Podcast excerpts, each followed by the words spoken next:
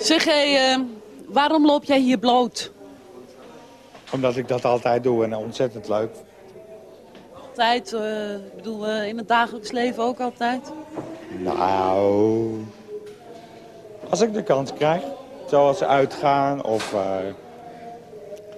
probeer zoveel mogelijk vorm te geven aan mijn nudistische bestaan.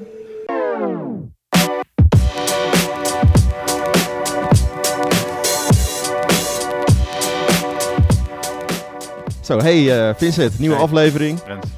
Zijn En we weer. In het Zijn we weer, kamertje. ja. In het kamertje, het zonnetje, helemaal weer in onze ivoren toren gekropen. En we hebben weer een eh, gast in ons midden, gelukkig. Ja, dat was hard zoeken. Wederom. Het was weer hard zoeken, maar we hebben, eh, we hebben haar gevonden. Het is eh, Sarah. Hallo, goedenavond. Ik ben blij dat ik eh, hier ben.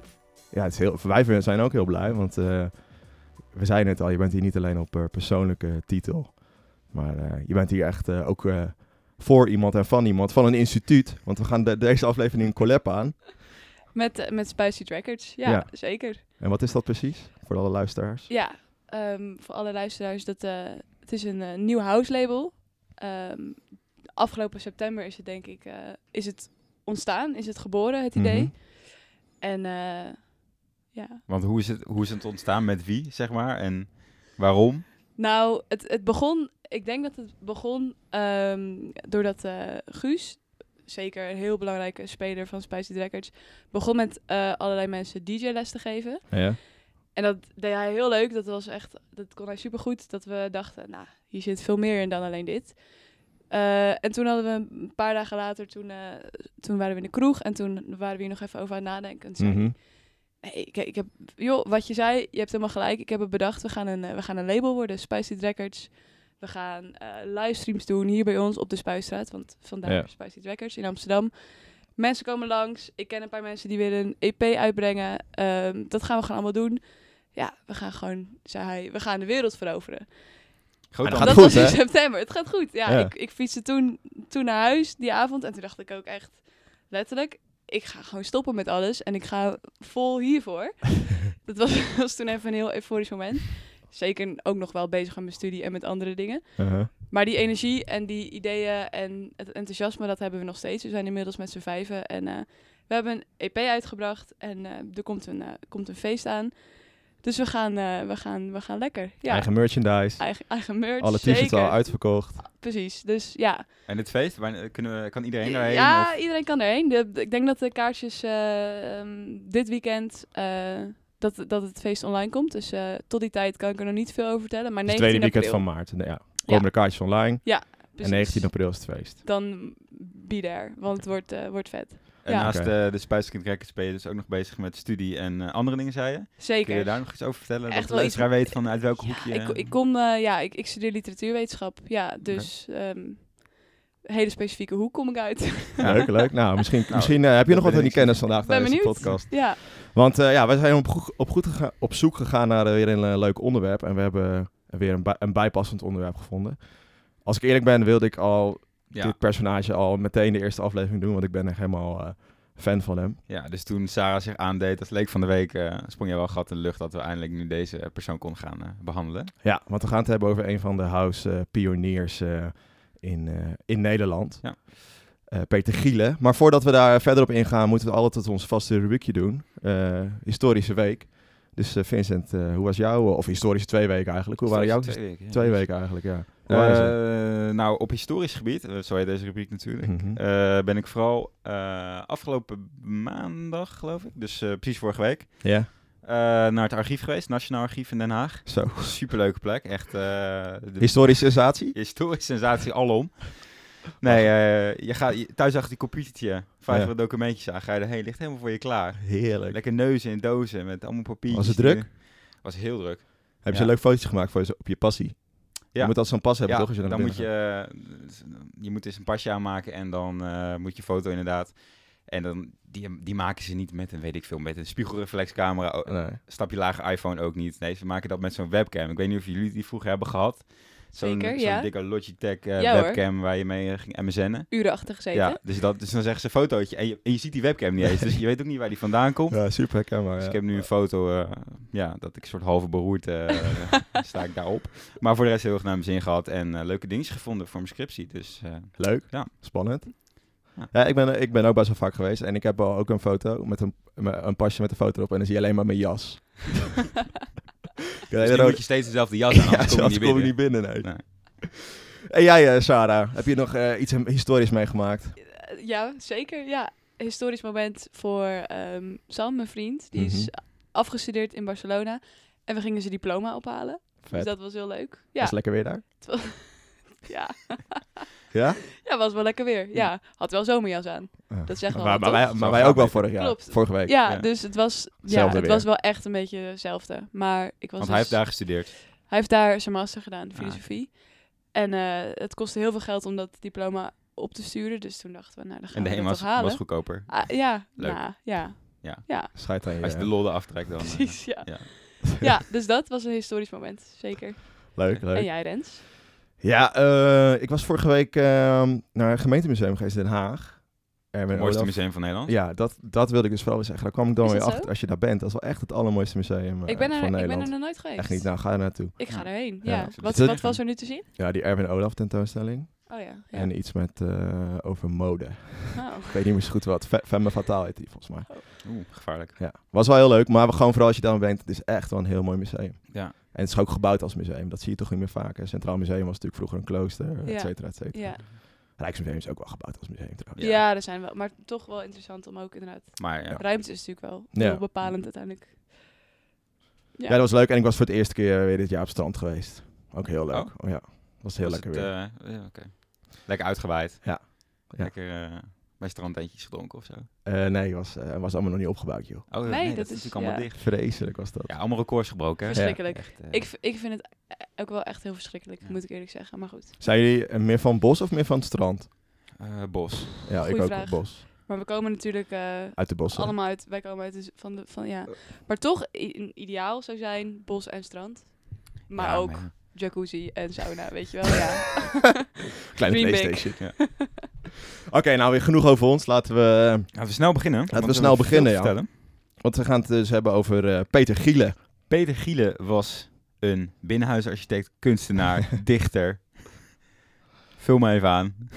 Gewoon een culturele man in, eh, in de wereld. eh, vooral in Amsterdam. Geboren in, eh, in Hilversum.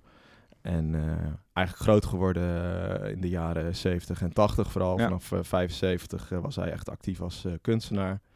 Heeft drie maanden, maar liefst drie maanden gezeten op de Rietveld Academie.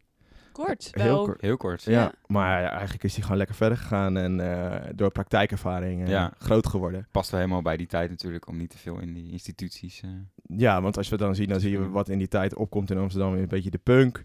Hè, dus eh, je lekker schoppen tegen het eh, establishment. Ja, establishment. Establishment, ja. En, eh, en het kraken. Dus hij eh, gaat met een paar vrienden, kraakt hij ook eh, panden. En daar begint hij eh, Ja. Ateliers of kunstenaars of eh, kunstenaarsgenootschappen, galerieën. En dan zijn bekendste is, eh, eh, de bekendste kraak is de kraak van het eh, handelsgebouw. Dat Ja. zit achter eh, de, de Pleis op de Dam, dus de Nieuwshuis Voorburgwal. Heeft hij gekraakt en is daar eh, begonnen met... eh, Hele met goede plek wel. ja, echt super goede plek. Ik zou er wel willen wonen nu, maar Ja. goed, dat kan dus niet meer. Martin Kerk schijnt daar nu eh, boven die Albert Heijn daar pent, penthouse Over de gevestigde orde. Over house, gesproken. over house gesproken, En Martin Kerks. Nee, dus, ehm, ja, dus daar, en daar is hij gewoon begonnen met het maken van kunst en het ontwerp van, van, eh, van, van, in, van, van, ja, hoe zeg je dat, binnenhuis, eh, hoe noem je dat? Binnenhuisarchitectuur? In, in- inrichting. nee, We beginnen met inrichtingen, met ruimtes, ja. Maar vooral ook het organiseren van, eh, van, van dingen, dus het organiseren van feesten, ja, tentoonstellingen, et cetera, et cetera. En zo is hij dus, dus groot geworden in, in Amsterdam. En dan, eh, dan zie je dat eigenlijk dat hij de SKG opricht. Ja, de Staatskunst Guerilla Ja. in 1978. uh-huh. Eh, en dat is eigenlijk een soort tegenbeweging tegen de hippies. Oh. Maar die hippies waren tien jaar eerder dan ongeveer. Ja, je zit natuurlijk nu, eh dat is 1978 en tien jaar eerder inderdaad heb je de Summer of Love, Mhm. 1968, 1969. Ja. Ja. Eh, en een beetje die hippie-generatie, daar zit deze generatie van eh, Peter Gielen. eh, dus die, punk- meer die punkbeweging zet zich daar tegen af. Maar, maar Ja. wat, vinden ze, wat vinden ze daar helemaal stom aan dan?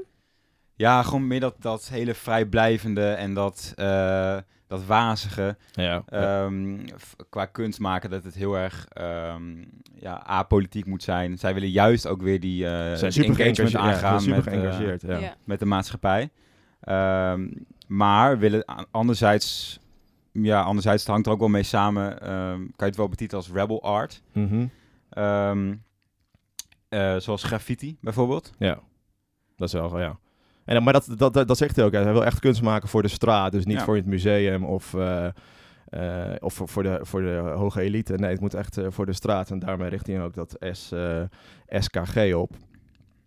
En, Weten jullie andere, eh, hoe groot was die groep? Enig idee? Was dat een hele kleine beweging of zaten daar... eh, Nee, er zaten wel meerdere mensen in. Dus eh, bijvoorbeeld eh, Rob Scholten, ik weet niet of je hem- die kent, die is nog, heeft ook zijn eigen museum nu. Ja. Die is bekend vooral van een bomaanslag op zijn auto. oh, Zij zit nu in een rolstoel. ach, Ja, best wel zielig. Maar die zat, dat- die zat ook in die groep. En eh, als we dan verder gaan, want natuurlijk in de intro hoorden we een heel gek, gek verhaal over iemand die nu dist wilde, wilde zijn. Ja, Dus ja, da- da- dan, he- dan zijn we opeens in de Roxy. En ja, ik weet niet of je de Roxy is de, eigenlijk de bekendste Zeker. club Ja. van Amsterdam in die tijd, of geworden. Ja, En daar is eigenlijk de house, eh, house geboren. Maar dan even nog een stapje terug. Hij met die groep gaat hij naar de, richt hij de, de Roxy op. En hij richt dat helemaal in als, eh als binnenhuisarchitect. En dat is wat hij dan noemt eh, de plek om te experimenteren. En het uiterste te zoeken in alles. Dus in de kunst, maar ook in de muziek. Ja. En eigenlijk een paar jaar daarvoor eh, wordt, eh, wordt house eh, ontdekt of uitgevonden. Het komt vooral door, door elektronische ontwikkelingen, de, de Moog en de, de drumcomputers, et cetera, et cetera. ja, want dat bestaat al vrij lang, toch? Ja, volgens mij jaren ja, 50 of jaren zo. 50 en ook in jaren 30 werd er al heel langzaam mee geëxperimenteerd. Ja. De Beatles hadden volgens mij als eerste echt als band zo'n apparaat Ja. aangeschaft. En het, eh, ja, je ziet dan gewoon, de disco eh, is dan heel groot, maar in de disco wordt alles nog opgenomen met een orkestje. hè. Dus je hoort echt de, de blazers en Ja. de drums, et cetera. vocals. de vocals, ja. En eh, ja, het wordt steeds minder interessant voor mensen. Ze willen, ze willen verder. En dan zie je eigenlijk ehm, dat, die, dat die drumcomputers die hele, het hele orkest overnemen en dat allemaal dan gaan invullen. En dan het begin van, van de house wordt dan wel het gezien het nummer I Feel Love van Donna Summer samen met Giorgio Morodor, Morodor volgens goed mij. Ja. Of Moroder. Of Ook wel Moroder. van die, van die Daft Punk eh, plaat van de Synthesizer. Staat dit jaar op Lowlands. hebben jullie kaartjes? Eerlijk? Ik heb kaartjes. Oh, niet. Netjes. Ik ook niet. We Hm. gaan over het hek, toch? Ja, ik ga over het hek klimmen, sowieso. Zin in? Leuk. Uh, als Lowlands-medewerkers dit luisteren, vergeten. Laat ze toe. Nee, maar misschien wel leuk om te vertellen over die, dat album van Donna Summer. Ze maakt dan, elk nummer eh, refereert ze naar een bepaalde periode. Dus de 50 jaar, 60 jaar, 70 jaar. En dan het laatste nummer van die plaat is eh, I Feel Love. En dan, eh, wordt er, dan wordt er verwezen naar de, naar de future. En dat, is dus ook, dat gebeurt dan ook echt, want het is echt de future. En die plaat zie je dat er eh, veel meer herhaling is. Het is een heel lang intro. Je hoort echt die beat zo toedoen, toedoen, toe gaat helemaal door, door, door. Het is veel elektronischer, want bijna alles in die plaat is overgenomen door de drumcomputer. Alleen de stem van Donna Summer en één kick is nog gedaan door een echte drummer. En eh, ja, dat is gewoon echt het begin, eh, begin van house. En dan zie je dat andere DJ's dat ook gaan doen. Eh, die pakken al die oude discoplaten weer op. Die gaan dan die intro's verlengen. Die, die ri- ri- richt zich veel meer op het instrumentaal. En zo is het echt het begin van house. En dan krijg je ook allerlei verschillende stromingen. Dus dan heb je acid house. Ontstaat dan langzaam. Dat heeft echt die bekende bas die dan nu hoort.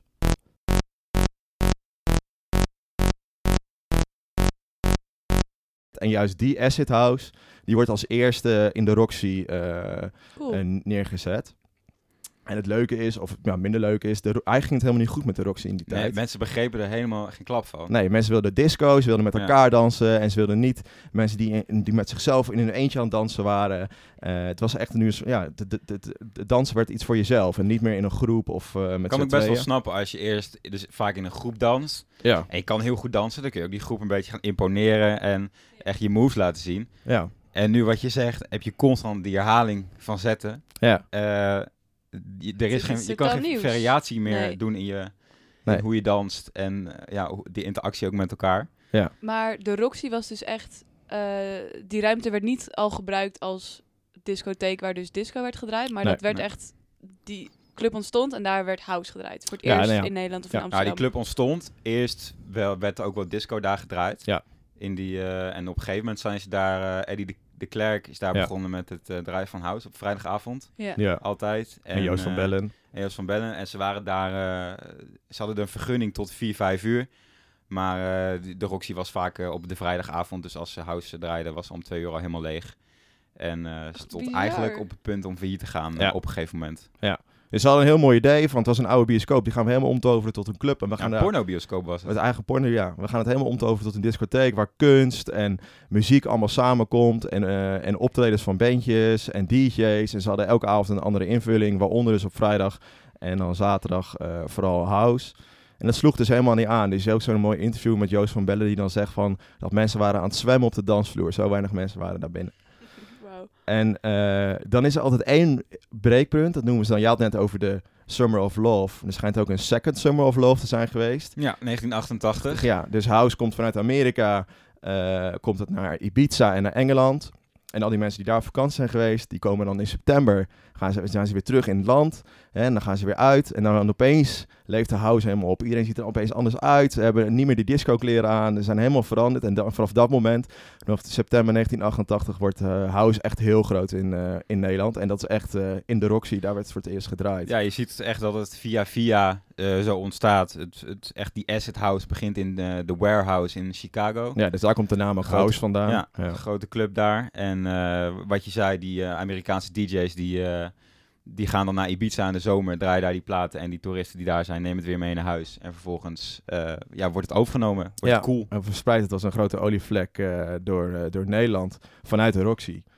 Dat is wel interessant. En als je nou kijkt wat ze dan vooral deden, want er waren natuurlijk nog niet zo heel veel houseplaten in die tijd. Ze pakten gewoon de oude discoplaten van een paar jaar eerder. De, het intro verlengden ze gewoon, dus die gingen ze loopen, noemen ze dat dan. Die vocalen sneden ze weg. En eh, ze gingen ze alleen maar richten op de, op de instrumenten en misschien iets harder afspelen. En eh, iets sneller afspelen. En dat was het, eh, was helemaal, dat was het in die tijd. Ja, want die Eddie de En nog Klerk, steeds. En nog steeds. Ja, Ja. want de Spice Heat Records. die, die Eddie de Klerk die ik, eh, die ik net noemde, die dus vrijdagavond die house draaide. Toen ze Ja. bijna failliet gingen, kreeg hij een ultimatum. Ja. een deadline van hey, eh, hier zorg maar dat het loopt en anders eh, is het over. En de- inderdaad twee weken voordat die deadline zou verlopen, kwamen er opeens mensen. Was het in eh, Ja. van de een op de andere dag. Eh, en je ziet ook dat na de Roxy, eh bij wijze van spreken een week later, later twee, drie weken zijn, eh, nemen ook andere clubs in Amsterdam eh, Ja, dat de house over. Ja. En hoor je alleen nog maar house in de Amsterdamse clubs, in die, echt die, eh, de clubs zien. En dus eh, ja, de- vanaf dat moment is de Roxy één groot succes en wordt het dus steeds eh, succesvoller. En dan in tien jaar tijd verandert het echt in een soort van eh vrijheid eh, paleis of Ja. zo, hoe je het mag noemen. Want ik heb het idee, ook mede door al wat jij me een beetje verteld, Rens, dat, dat daar ging het niet alleen om de muziek. Er, er zat ook nog wel veel meer omheen en veel meer achter, wat misschien... eh, Ja, het was echt een plek van ontmoeting, maar eh, daarentegen was het ook een plek om heel moeilijk binnen te komen. Ze hadden een heel streng deurbeleid, je moest lid zijn van de Roxy Club om binnen te komen. Maar als je dan eenmaal binnen was, dan zag je... Dus naakt- die- volgens mij hoef je die niet per se eh, iets te zijn of iets te doen om lid te worden. Het was volgens mij vooral meer dat mensen die al lid waren, konden alleen maar andere mensen lid maken. ja, ja. Zodat je iedereen kende elkaar daardoor en daardoor liep het niet uit de hand. Nee, dat was een soort inner circle. Maar als je dan eenmaal lid was, dan zag je eh, de leukste of de gekste dingen wat jij wil. Dus je ziet eh naakte mensen, er waren, waren heel veel, eh, het was echt een, een plek waar ook heel veel homo's kwamen en iedereen mocht doen wat hij wilde. Dus het was echt een super interessante plek. En eh, ja, Peter Giele heeft eh, daar alles eigenlijk gedaan qua ontwerpen. Hij maakte zelf dan geen muziek, maar hij zorgde ervoor dat de plafonds er mooi uitzagen, mooie lichtinstallaties.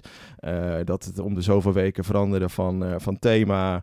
En hij heeft het gewoon echt helemaal echt ontworpen, helemaal opgezet. Ja, want die Roxy opening, dat was dus in 1987. Ja. En we hebben dus net al gezegd 1978. Eh, n- negen jaar eerder heb je die, die, dus die SKG. Ja, En eh, in de tussentijd, is misschien ook wel even leuk om te vertellen, is, eh, is er nog zo'n instituut wat hij opricht. ja, Eh, de Aorta. ja. En daar wordt hij eigenlijk eh, echt mee bekend. want wat, wat is de aorta? Ja, in 1982 eh, richt hij dat dan op. En eh, dat handelsgebouw waar we het dan net over hadden, wat eh, gekraakt werd, eh, daar aan de achterkant, eh, daar ligt nog een, een pand tegenaan, wat ook leeg staat. En daarin worden eigenlijk de eerste tentoonstellingen echt, eh, vooral voor kunstenaars, eh, georganiseerd. Zijn gelijk succesvol. En ehm, het was echt een tegenbeweging tegen de bestaande galeries. eh, die in de woorden van een, eh, een collega van Giele eh, alleen maar lullige etjes eh, verkochten. Eh Edson van, eh ja, van Corneille, bekend Ja. van Cobra. Ja. Ja. ja, gewoon. Dus daar waren ze ook niet zo Commercieel, van. Ja, je- vonden ze wat Mhm. grappig. En, eh, En wat, kon je, wat kon je zien dan in de aorta? Wat hing daar voor, wat voor werken? Ja, de gekste dingen. Je, je ziet heel veel eh, graffiti, maar hij heeft bijvoorbeeld ook zijn... eh Giele heeft in die Aorta een eigen huis gebouwd van sloopmaterialen. Eh, ze hingen overal in de stad schilderijen op die ze in plastic zakken stopten. Eh, ja, die, ja, die timmerden ze tegen de... Themens tegen de hekken aan. ja. En hij, heeft, hij ging naakt, naakt liggen in, de, in een raam van de aorta. En dan konden graffiti-kunstenaars hem natekenen. Ja. Dus het was echt, eh, ja, echt die, die punkperiode. Dus dat, Ja. dat werd heel erg vertegenwoordigd. Echt wel weer ook een soort van echt die middelvinger tegen inderdaad galeries, gevestigde orde. Ja. Ja. Alles wat... Eigenlijk, eh, eigenlijk die hele beweging begint eh, met een actie eh, bij Museum Faux bestaat vandaag dag nog steeds. Ja. En dat was toen, ehm je had toen wel het Stedelijk Museum, maar Faux was eigenlijk echt meer de plek waar nog iets Mhm. nieuwere eh, kunst te zien was. Ja. Eh, en op, op, op een gegeven dag eh ze gooien daar een paar rookbommen naar binnen, Ja. eh stormen met z'n allen naar binnen en graffitiën de hele, het hele museum Onder. onder. Ja. En dat is echt het begin van, van een soort beweging. Ja. Ehm, die dus veel gebruik maken van, van kraken. Want dat is eigenlijk ook het Amsterdam van de jaren tachtig. Krakersbewegingen. Wo- veel woningtekort. Je hebt zo'n slogan van geen woning, geen kroning. In 1980 wordt Beatrix gekroond. Eh, maar de Amsterdamse bevolking is het daar eh met niet zo mee eens, omdat Nee. zij geen woning hebben. En Ja. Beatrix wel een hele dure... Woning heeft. En een, En een super chique bruiloft heeft. Ja, en gaat trouwen met een NSB'er.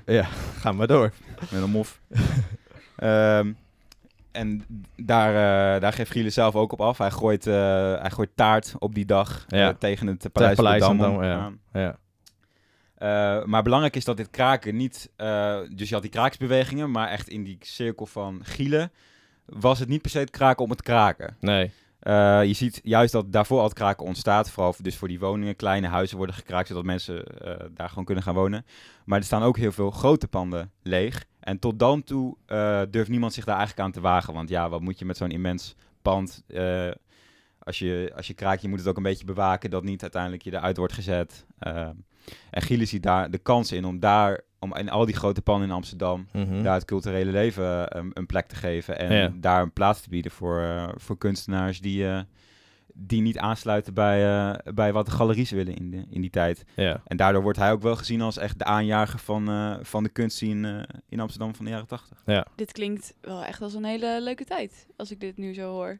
ja, ligt eraan. Hè? Ja, ik weet je wat je leuk vindt. Nou ja, beetje reuring. Beetje reuring, ja. ja het klinkers uit de straten. Dat zie je tegenwoordig niet meer. Nee. Weinig, nee. En weinig ruimte ook om te kraken, denk ik. Maar goed. Nou, jij moet toch anti-kraak? Ja, dat Anti-raak, is, dat is eigenlijk- wel de Ja, ergste. Ja, Ja, dus jij bent er gewoon... eh, Het Gielen wordt ook vaak betiteld als de Andy Warhol eh, van, eh, van Nederland. ja. Eh, Warhol die richtte natuurlijk ook eh, de fabriek op Ja. in New York, waar ook Ja, allerlei kunstenaars samenkwamen en dingen gingen maken. En, eh, en zo wordt hij ook een beetje gezien als echt een beetje ja, een soort leidend ja. figuur in die, in In die, die hele scene, ja. Ja. En, ja. en dan verzamelt hij dus een hele groep mensen om zich heen. En daarmee koopt hij die oude pornobioscoop. Ja. En daar maakt hij dan in eh 1987, richt hij daar de, de Roxy op.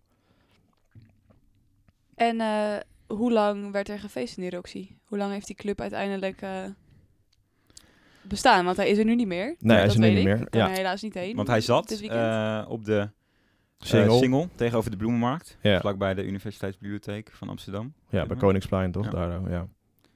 Dus dat is meer, echt midden in de stad. Nee, dat is wel een eh, goed verhaal. En daar ben ik ook zo fan van, eh, van Peter Giele. eh, het gedeelte waar we nu aankomen.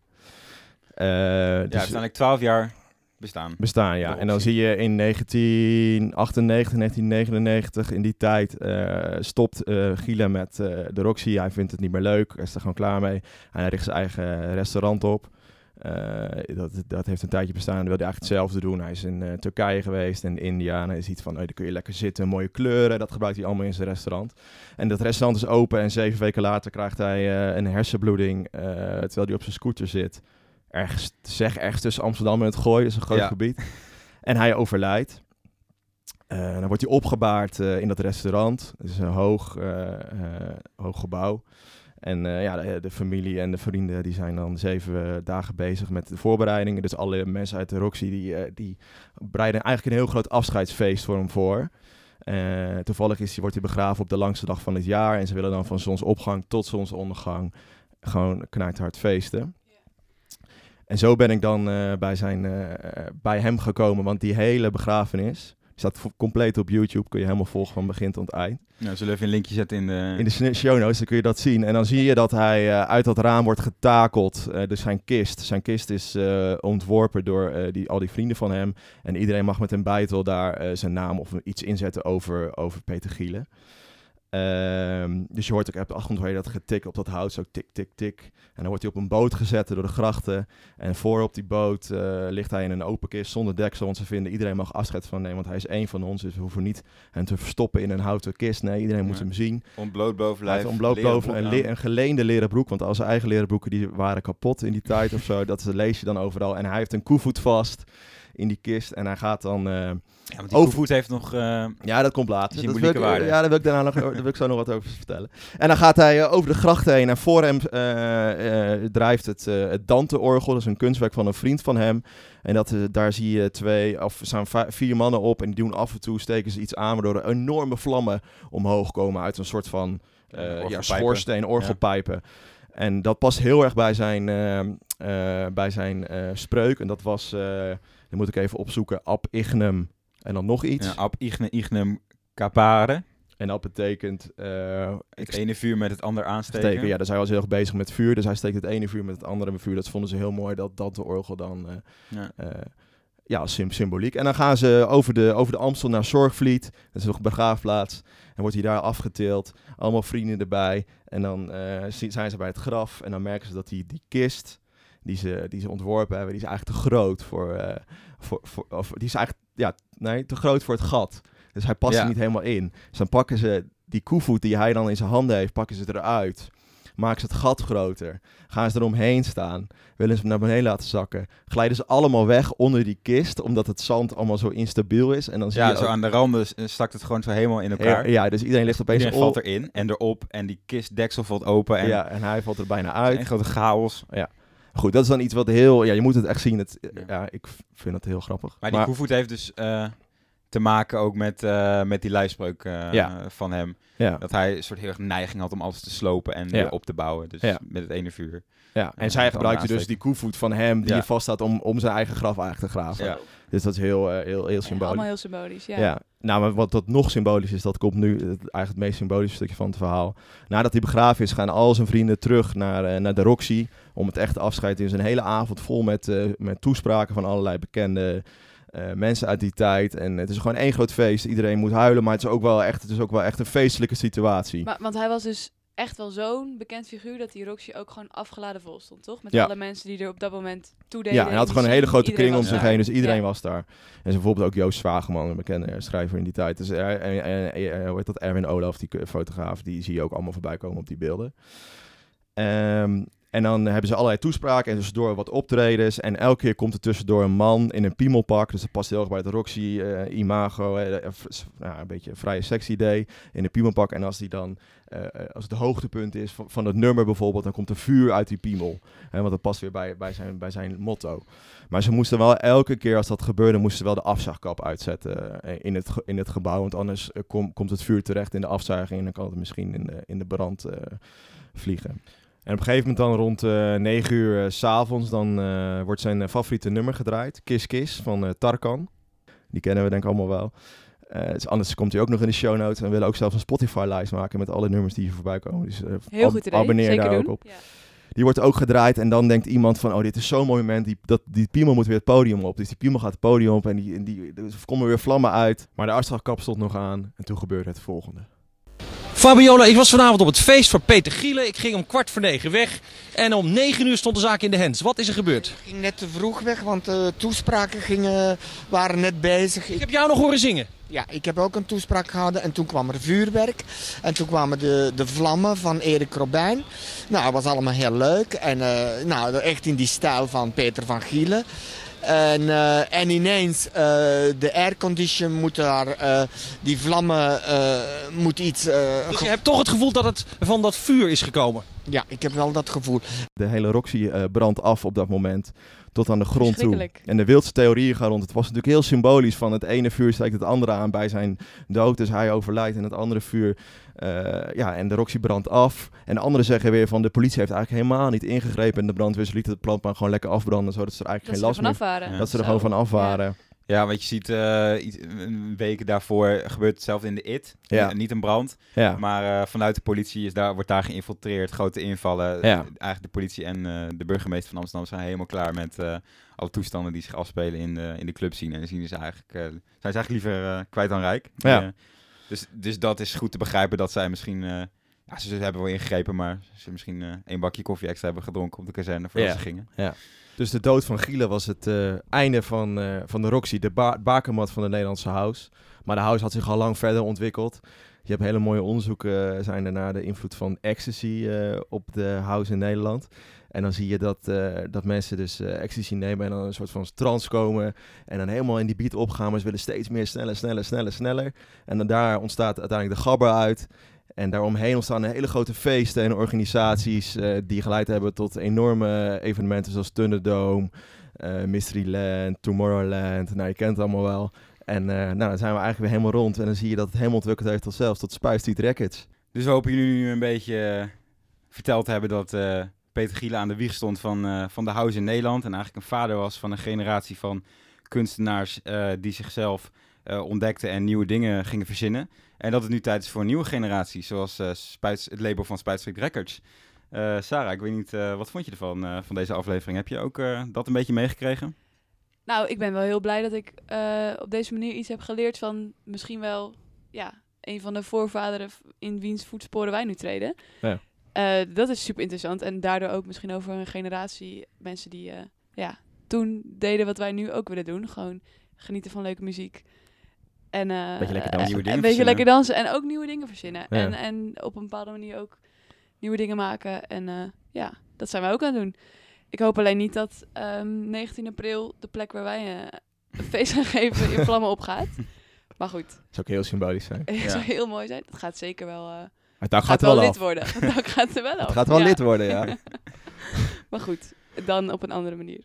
Nee, ik hoop dat eh, alle luisteraars het ook zo eh, hebben ervaren. En dat ze nu ook een beetje een beter beeld hebben van eh, Ja. de house. En waarom dat eh, zo groot is in Nederland. En eh, de Nederlandse house zo groot is in de wereld.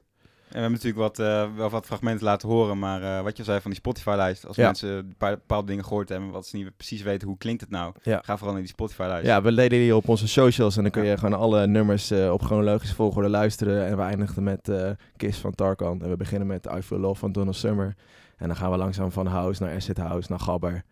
En eh, krijg je zo alles een beetje mee. En dan, eh, we linken lekker door naar Street Records. Zeker. En dan Ja. komt het allemaal goed. Iedereen moet volgen, liken, vijf sterren, overal. Alles, iedereen. Eh, Hey, eh, bedankt voor het luisteren. Sarah, jij super bedankt dat je hier wilde zijn. ontzettend bedankt dat ik hier mocht zijn. Ik vond het eh, heel leuk en leerzaam. Nou, Vincent, jou ook bedankt. Ja, heel graag gedaan en eh, tot over twee weken. Geluk. Dag.